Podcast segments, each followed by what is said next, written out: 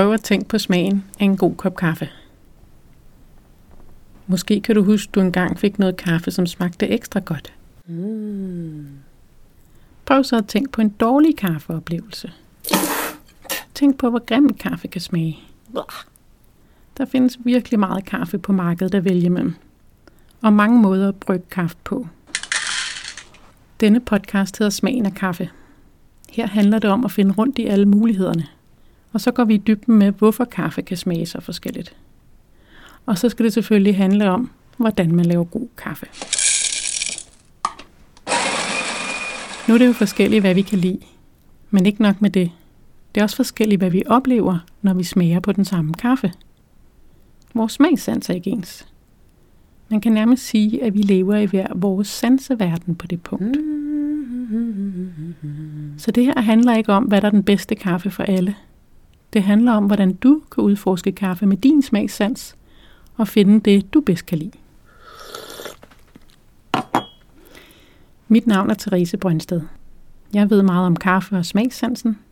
Jeg har samlet viden om fødevarer i over 20 år, lige siden jeg tog en uddannelse i levnedsmiddelvidenskab. Det vil sige, at jeg er videnskabeligt uddannet i kemi, i hvordan smagssansen fungerer og alt muligt andet med fødevarer. Over de seneste fem år har jeg lavet en masse med kaffe. Jeg rester selv kaffe, jeg underviser i at smage på kaffe. Jeg er kaffesmagsdommer, og så taler jeg med rigtig mange kaffefolk, både baristaer, rester, forskere og hobbyfolket.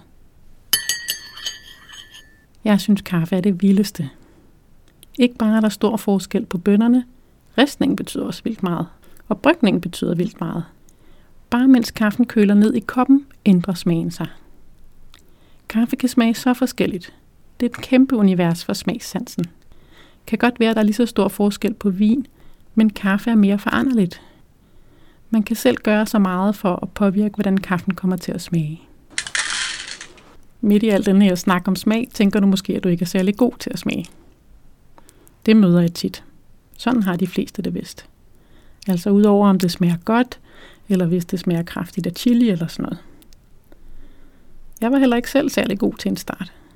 Men det er altså ikke så svært at blive bedre.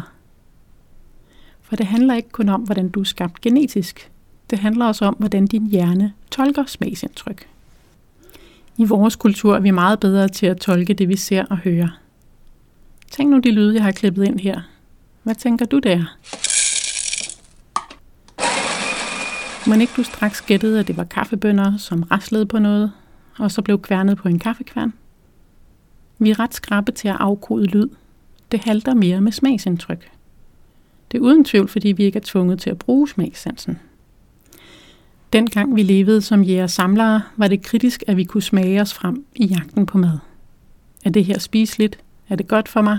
Er det giftigt? I vores moderne liv er vi vant til, at der er masser af mad, som er helt trygt at spise. Og vi ved næsten altid på forhånd, hvad det er. Det står uden på pakken i supermarkedet. Og hvis det cirka smager som forventet, behøver man jo ikke at tænke nærmere over det. Vi er ikke tvunget til at bruge smagssansen som et jæger-samlerfolk. Denne podcast handler det om at udforske med smagssansen. Til start bad jeg dig om at tænke på en god og en dårlig kaffe.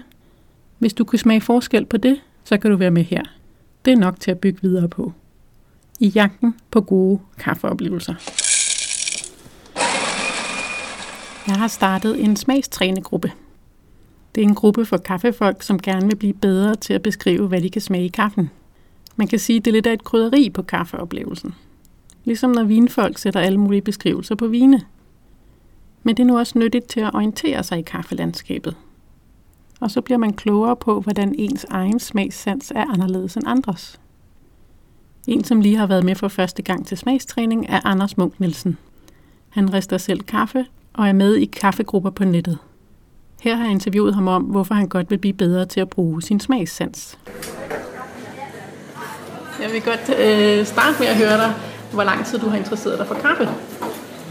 Altså, øh, sådan aktivt interesseret, det startede sådan i 2013, da jeg var i øh, øh USA på et, et ophold, hvor jeg øh, fik en god ven derovre, som øh, pludselig kom og sagde, at han var helt op at køre, fordi han havde købt sådan en, øh, en, en kafferester Og, øh, og på det tidspunkt, en, der drak jeg mest bare instant kaffe, fordi det var dejligt nemt. Og så øh, introducerede man mig til den her mærkelige verden af grønne bønner og øh, ristning hjemme. Og øh, det smagte helt vildt godt, hans kaffe. Så, øh, så startede det der. Og du, det vil sige, at alt det kaffe, du drikker, det har du faktisk ristet selv? Ja, godt. Men mindre den går galt, og jeg ikke har time med så plejer jeg faktisk at tage te i stedet. ja. For nylig var du for første gang med i min smagstræninggruppe. Ja. Øh, hvordan kan det være, at du synes, at, at det kunne være sjovt at være med i? Det var ligesom på en eller anden måde det næste skridt i, altså øhm, for mig var det mest bare sådan, det var ligesom den der 0-1-agtige oplevelse af, enten smager det godt, eller smager det ikke godt. Og, øh, og når man så begynder at riste selv og har gjort et stykke tid, så nogle gange, så får de lidt mere af bønderne, eller lidt mindre, end man lige har regnet med, og så smager de anderledes. Og det var ligesom forskellige ting, jeg kunne lide ved dem, og så blev det bare besværligt, det der med at finde ud af, hvordan jagter man den gode smag, hvis man ikke kan sætte ord på, hvad det er ved smagen, man kan lide. Og det vil sige, normalt når du smager kaffe, så øh, du kan godt smage forskel på det, men ja. det er svært at sætte, sætte ordene på. Lige præcis. Jeg har været sådan en lille smule øh, berøringsangst i forhold til at sige noget som helst, så jeg har ikke ture inde i, der er en Facebook-gruppe på den der kaffebønneklub, øh, og der har jeg ikke ture sådan rigtig sige, jeg vil gerne have noget, der smager af og så når jeg kunne se, at andre skrev nødet smag eller sådan noget. Det har jeg ikke tur kaste mig ud i at bruge, fordi jeg følte ligesom, det var jeg ikke... Øh, jeg følte på en eller anden måde ikke, at jeg legitimt kunne sige, hvad det var for en smag, der var hvad. Så det er sådan lidt famlende, hvad er det egentlig, man skal, hvad ord skal man egentlig sætte på? Lige præcis, lige præcis. Går du op i andet med smagssansen? Med, bruger du, går du op i smag med andre ting? Hvordan har du det med vin, for eksempel? Øh, mere med øl faktisk. Ja. Øl går jeg ret meget op i. Det startede også, da jeg var i USA. Øh, jeg kan rigtig godt lide sådan amerikanske, meget bedre øh, IPAs. En, en, Indian, Indian Pale Ale. Ja. Ja, ja.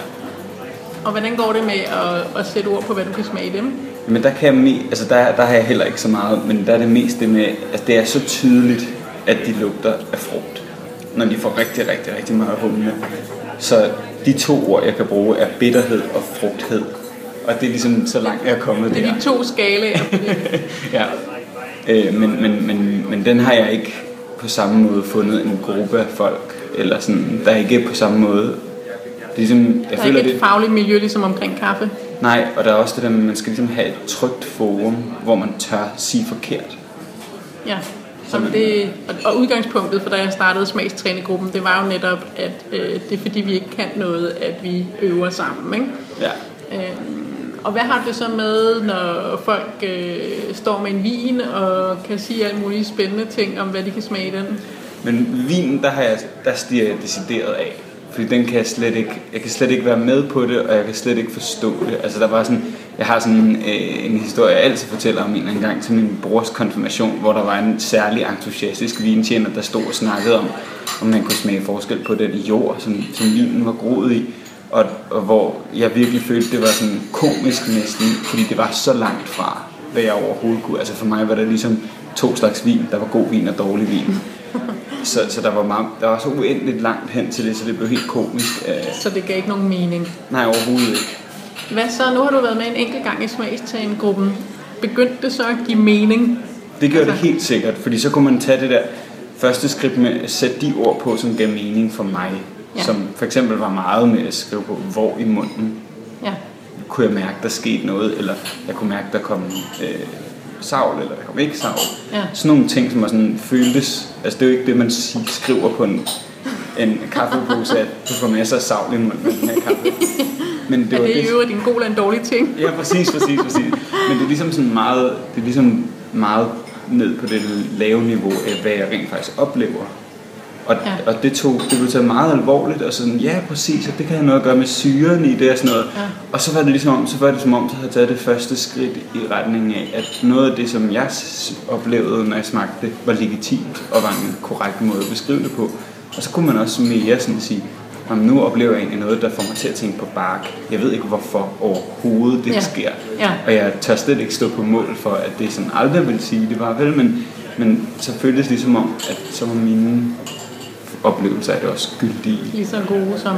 Jamen det er det, der, det der er min tanke, både med smagstrængruppen, men også med den her kaffepodcast, det er, at man skal... Øh, man kan smage det, man kan smage, og vi er meget forskellige, og så får man associationer, altså, og så, og så må man tage det, som man kan smage, og det kan godt at andre ikke kan smage det, men derfor er det ikke forkert. Nej, øhm, præcis. Og så arbejder man videre på det, men noget, jeg også selv altid har lært meget af, det er, når andre så kan smage noget i kaffen. Ja. Øh, for eksempel i starten, når de snakkede om frugt i kaffen, jeg synes overhovedet ikke, der var noget som helst i kaffe, der som er mindet om frugt. Men så efterhånden så fandt jeg ud af, hvad det er for en smag i kaffen, som de kalder frugt. Og nu kan jeg bruge det, fordi jeg ved, hvad det er, Præcis. de taler om. Så det er sådan et sprog, men det hjælper enormt meget at smage sammen med andre. Præcis, for den havde vi nemlig også lige med det der med bark og med træ. Altså ja. det var netop en, som sådan, så, så var der øh, en person, hvor der sagde, at det var måske den tørre følelse, man ja. fik i munden. Tørheden. Tørheden ved det, ja. som, som gav den association. Ikke? Og så, så kan man også nemmere spotte den andre steder. Og sådan, altså et eller andet sted er det jo fuldstændig ligesom en, at forklare en blind farver i første step. Ikke? Ja. Man slet ikke har ord på, så ved jeg ikke om rød, det er det samme rød, som det er for dig. Mm. Men når vi så får peget på nogle ting og bliver enige om, det er det der, vi kalder rød, så kan vi ligesom... Så kan vi snakke om det, ja. at den er mere eller mindre rød. Den er bare endnu sværere med, med kaffen, fordi den skal ligesom, den skal, vi, skal, vi skal smage den sammen, og der er så mange komplekse ting i brygningsprocessen og ristningsprocessen, som gør, at vi skal sidde med den samme kop og smage på den i det samme rum nærmest, ja. for vi kan være helt præcis omkring, hvad det er, vi mener. Hvad det er, vi oplever. Kan du nævne på det seneste, hvad din bedste kaffeoplevelse har været? Jeg tror, den bedste var her for nogle uger siden, var jeg til en, en kop ind, en, sådan en kaffesmagen, hvor man smagte nogle forskellige kaffer inde på The Coffee Collective, hvor der var øh, en... en øh, var det Esmeraldaen? Ja, Esmeraldaen, ja præcis. Den var virkelig, virkelig sjov, fordi den var, den var bare så anderledes fra... Øh, jeg kan sige, jeg var også med til den kop, og den er, sådan, den er meget... Øh, aromatisk og, og svæver næsten i smagen. Ja. Altså, og den, øh, men det er også det er sådan en kaffe, der køber på auktion, og det er noget af det dyreste kaffe i verden, og noget af det mest hypede. og du køber den ikke i 250 grams poser, du kan jo køber den 100 eller 125 gram en gang, og alligevel betaler du 200 kroner for det, så det er helt vildt, øh, ja, ja. det er en helt særlig kaffe. Jamen, det var rigtig, rigtig smart lige at, at smage den der. Men det er utroligt sjovt, fordi den, den smagte på en måde, som jeg ikke ville have sagt, kaffe kunne smage eller ikke vil have troet. Der er ligesom sådan, at man har nogle afgrænser. Ligesom første gang, man prøver en chai te, og så springer det måske grænserne for, hvad man har forestillet sig, at te kunne smage af. Det var Anders fra min smagstrænegruppe. Han nævnte, at han kunne mærke savl i munden med en kaffe. Altså at munden løb i vand. Jeg kan lige indskyde, at det har jeg ikke selv oplevet. Og jeg har heller ikke hørt om det fra andre før. Men sådan er vi jo så forskellige indrettet. Og der skal nok være andre end andre, som oplever det.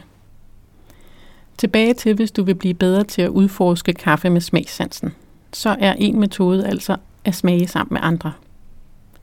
En anden fra min smagstrænegruppe, Martin, sagde, at det først var her, når han sad og var tvunget til at sige noget om, hvad han kunne smage, at der dukkede beskrivelser op hos ham.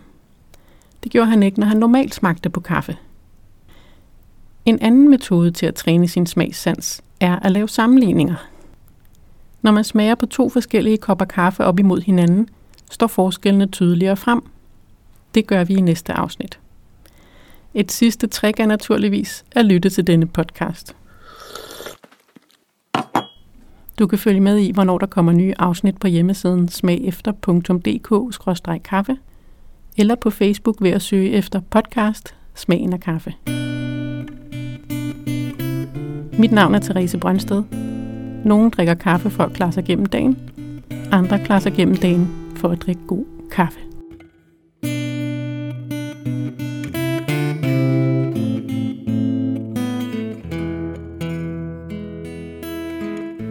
Jeg kan lige indskyde, at denne podcast er uafhængig af kaffebranchen. Og det er faktisk også vigtigt for mig, så vi frit kan udtale os om forskellige kaffe.